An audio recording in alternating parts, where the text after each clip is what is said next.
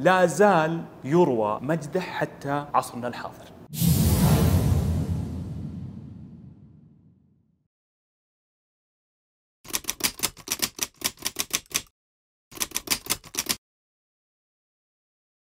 السلام عليكم ورحمة الله وبركاته. حياكم الله جميعا في أولى حلقاتنا من برنامجكم برنامج عصور والمقدم من قناة تيليباثي نتكلم في أولى الحلقات عن شخصية عظيمة من الشخصيات الإسلامية. شخصية صغيرة بالسن لكنها عظيمة بالشأن. تولى قيادة الجيوش وعمره 17 سنة. الرجل هذا مات وعمره 23 سنة. لكنك تتصور بالخمس سنوات هذه وش قدم؟ اللي خلى فعلا الكتب والمصادر الإسلامية تعج بذكره. قاد جيش من أعظم الجيوش الإسلامية وفتح بلد من أعظم البلاد الإسلامية ولا زال الإسلام قائم فيه إلى اليوم وبإذن الله إلى قيام الساعة. الشخصية العظيمة الفذة محمد بن القاسم الثقفي. محمد بن القاسم شاب ولد بالطائف سنة 72 للهجرة. لما تولى الحجاج بن يوسف العراق كان ولد عمه القاسم. القاسم هذا عينه الحجاج بن يوسف على البصرة فانتقل محمد بن القاسم مع أبوه للبصرة. فنشأ محمد بن القاسم نشأة بين القادة والإمارة. لكن كثير من الناس نشأ النشأة هذه في بلاط الحكم لكن ما كان فيه نجابة ما كان فيه حزم. محمد بن القاسم كان فيه صفات النجابة والفروسية والحزم والسؤدد من يوم كان صغير. فساعد بيت الإمارة على الشيء هذا. وصل اسمه على مسامع الحجاج بن يوسف. لكن متى برز فعلا محمد بن القاسم الثقفي كقائد من قادة الفرسان والأبطال المسلمين؟ في سنة من سنوات 88 للهجرة يقال 90 للهجرة كان في في بلاد السن تحديدا مدينة الديبل. كان فيه ميناء. الميناء هذا مر عليه 18 سفينة. السفن هذه كانت محملة بالأموال والهدايا وكان فيها فتيات مسلمات. كان آبائهم تجار في بلاد سيلان. فماتوا. هنا الفتيات قررن الهجرة إلى العراق يستقرون في البصرة. لكن كان في قراصنة. القراصنة بالبحر كانوا يستولون على السفن بمساعدة علم من؟ من ملك الديبل هنا ملك بلاد السند راجا دوهر. دوهر هذا كان طاغية وكان القراصنة يؤتمرون بأمره من تحت لتحت على قولتهم. لما استولى القراصنة على السفن هذه واستولوا على الفتيات المسلمات صرخت واحدة منهن ويقال أنها تميمية من بني يربوع. فصرخت. واحد جا جاه واحد جا جاه. كان فيه من يسمعها. على الميناء هذا. فطارت الكلمة هذه إلى الحجاج بن يوسف بالعراق. لما سمع الحجاج بن يوسف الاستغاثة هذه والاستنجاد قال لبيك لبيك. هنا الحجاج بن يوسف مباشرة كتب رسالة إلى ملك السند رسالة مفادها سلم لنا السفن هذه سلم لنا الفتيات سلم لنا الأموال اللي سلبها القراصنة اللي عندك. لكن الطاغية رجا داهر هذا. رد رد. ينم عن غباء فعلا. كيف إنك ملك وترد الرد هذا؟ قال إن اللي سولوا على السفن هذه قراصنة ما أقدر عليهم. كيف ملك ولا تقدر على قراصنة؟ ما تقدر على قطاع طرق. لما وصل رد داهر إلى الحجاج بن يوسف غضب الحجاج فأرسل جيش. جيش طبعا تنظيمه هو من خزينة العراق. ولا عليه القائد عبد الله بن نبهان فتوجه لبلاد السند. الحملة هذه أو الجيش هذا هزم واستشهد القائد عبد الله بن نبهان هنا الحجاج بن يوسف ما كان له بد إلا انه يرسل حملة ثانية. لابد انه يغيث المرأة اللي قالت واحد جاجه فأرسل جيش ثاني بقيادة بوديل بن طحفة. فالتقى الجيش هذا بجيش سند لكن هزم هذا الجيش. واستشهد القائد بوديل بن طحفة الحجاج بن يوسف استشاط غضب. غضب الحجاج فحلف وأقسم أنه يفتح بلاد السند عن بكرة أبيها وينشر الإسلام فيها. لكن هنا لازم أنه يستنجد بمن؟ بالخلافة الأموية في دمشق تحديدا الخليفة بذاك الوقت الوليد بن عبد الملك. فطلب الحجاج بن يوسف حملة منظمة من الخليفة الوليد بن عبد الملك حتى يفتح بلاد السند. طبعا الوليد بن عبد الملك ما يرد طلب للحجاج بن يوسف لأن عبد الملك بن مروان كان من ضمن وصيته للوليد بن عبد الملك أنه وصاه بالحجاج حتى أنه قال كلام من عرضه يقول والحجاج هو جلدة ما بين عيني. حافظ على الرجل هذا. هذا اللي وطد لنا العراق وما خلف العراق. طبعا الحجاج بن يوسف لما أرسل للوليد بن عبد الملك قال أعدك تعهد له الحجاج بن يوسف أنه يرد له ضعف ما ينفق على الحملة هذه. هنا وافق الوليد بن عبد الملك لأن بلاد السند بلاد عظيم وهي اللي اليوم تشكل دولة باكستان وما جاورها. هنا الحجاج بن يوسف لما أعد الجيش هذا وأنفق عليه ستين ألف ألف درهم يعني ستين مليون درهم بعدته وعتاده بقي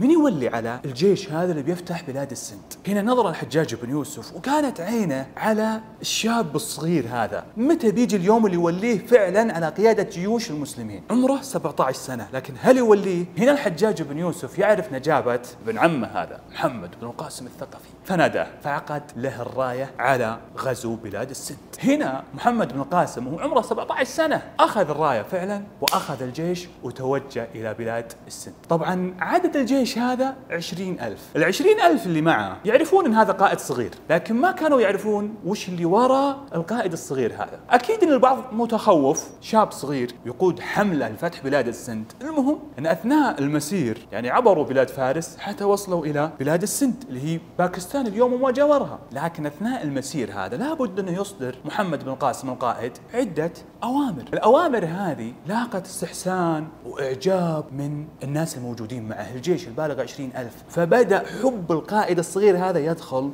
قلوبهم. فلما وصل محمد بن القاسم بلاد السند لك إنك تتصور إنه بدأ يفتح البلدان بلد بعد بلد. كان من دأبه طبعا طبيعة الحال إنه يصدر الأوامر كان من ضمنها صناعة المجانيق. فصنع منجنيق يسمى منجنيق العروس. منجنيق ضخم وهائل جدا. لك إنك تتصور أن يقال أن عدد اللي يعملون عليه العشرات من الرجال ومن أشداء الرجال. لما وصل إلى الديبول. هنا الديبول اللي كان فيها راجا داهر اللي كان النساء اللي يستصرخن فيه مسجونات فيه سجن الملك راجا داهر. اللي صار هنا راجا داهر ما كان ملك عادي. فيه طغيان لكن فيه شدة وقوة. فجمع الجيش. فخرج الجيش من الديبل واللي يبلغ عدده خمسين ألف مقاتل بعدته وعتاده. يقابل جيش قائده عمره 17 سنة ويبلغ 20 ألف. يعني جيش داهر الجيش السندي يبلغ الضعف من جيش المسلمين. ولكن القيادة هنا والحنكة لها أثرها بالمعركة هذه. فالتقى الجيشين. معركة حاسمة قوية كتب الله فيها النصر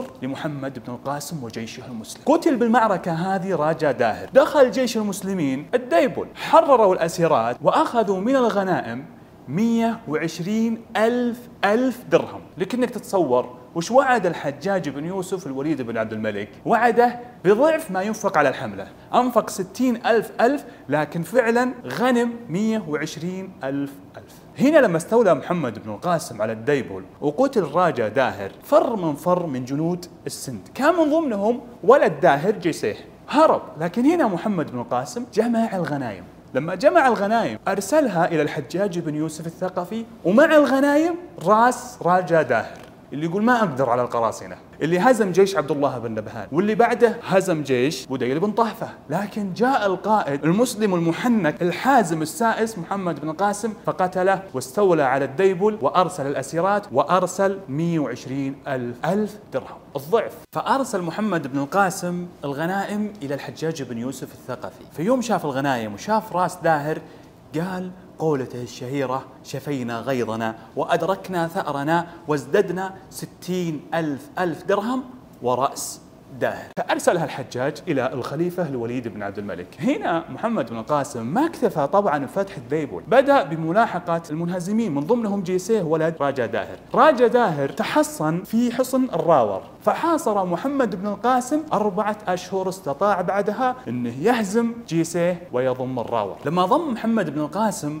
الراور بدأ يتوسع في بلاد السند وفعلا بدأ يفتح حصونها حصن بعد حصن حتى وصل إلى مدينة الكيرج. الكيرج ما هي مدينة مثل غيرها؟ ما تقل أهمية عن الديبل. كان فيها ملك عظيم في بلاد السند ما يقل أهمية عن راجا داهر. اسم الملك هذا دوهر. ملك عظيم. الملك هذا طبعا تحصن ثم بدأ يقاتل وينازل محمد بن القاسم لكن كتب الله سبحانه النصر لمحمد بن القاسم على دوهر. أثناء محاصرة الكيرج توفي الحجاج بن يوسف الثقفي. لكن محمد بن القاسم استمر بالفتوحات حتى وصل إلى إقليم البنجاب. من جهة الشمال وصل إلى جنوب البنجاب في مدينة تسمى الملتان فضمها إلى سلطان الدولة الأموية. ثم بدأ يكمل فتوحاته ويوطد حكمه في بلاد السند حتى توجه إلى حدود الهند إلى مملكة قنوج. بدأ محمد بن القاسم يفكر في فتح الهند وضمها لحكم الدولة الأموية. فبدأ يعد الجيش. يقال أن الجيش هذا اللي أعده لفتح بلاد الهند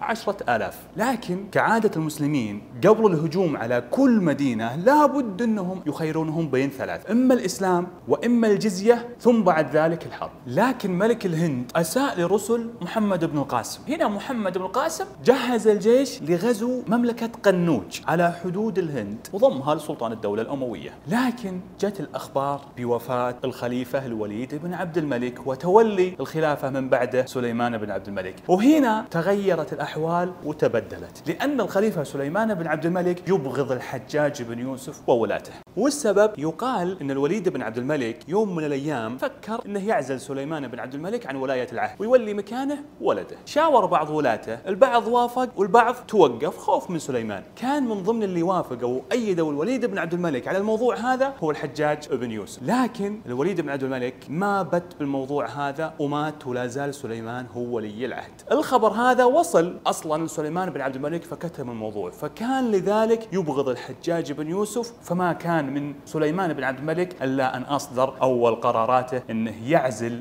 كل ولاة الحجاج بن يوسف. طبعا الحجاج مات قبل الوليد لكن فيه ولاة من ضمنهم محمد بن القاسم. فهنا سليمان بن عبد الملك إلا على العراق صالح بن عبد الرحمن. وصالح بن عبد الرحمن أرسل إلى بلاد السند. قائد يسمى يزيد بن أبي كبشة. ووصاه بالقبض على محمد بن القاسم. فجاء يزيد بن أبي كبشة وصل إلى بلاد السند واستقبله محمد بن القاسم لكن كان فيه أمر. ما هو بسيط أمر بعزل محمد بن القاسم وأخذه إلى العراق لمحاكمته. لا لشيء إلا لأنه كان أحد ولاة الحجاج بن يوسف. هنا اللي كانوا مع محمد بن القاسم من أهالي السند ومن قادته الموالين والمحبين له لأنهم أحبوا الرجل هذا فعلا. كان رجل عادل يفتح الفتوحات ويعدل بين الناس. اللي مع محمد بن القاسم أشاروا عليه إنه يرفض الأمر هذا وإنه يستقل بحكم بلاد السند لأنها بلاد بعيدة عن الحكم الأموي بعيدة عن دمشق بعيدة عن العراق. محمد بن القاسم رفض الأمر هذا وانصاع لأمر الخليفة وقدم نفسه إلى يزيد بن أبي كبشة فأخذه وأرسله إلى صالح بن عبد الرحمن في العراق. صالح بن عبد الرحمن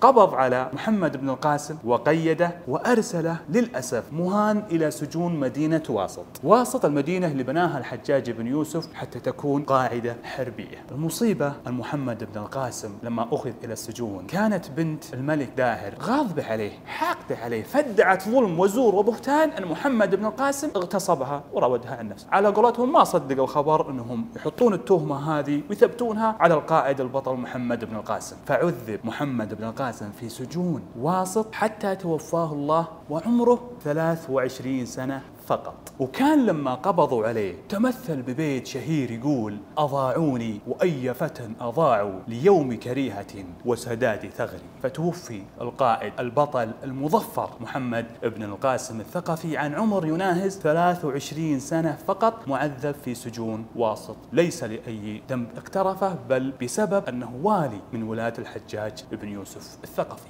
ختاما انتهينا من أولى حلقاتنا من برنامجكم برنامج عصور. أشكركم أنا ختاما على استماعكم وأستودعكم الله وفي أمان الله.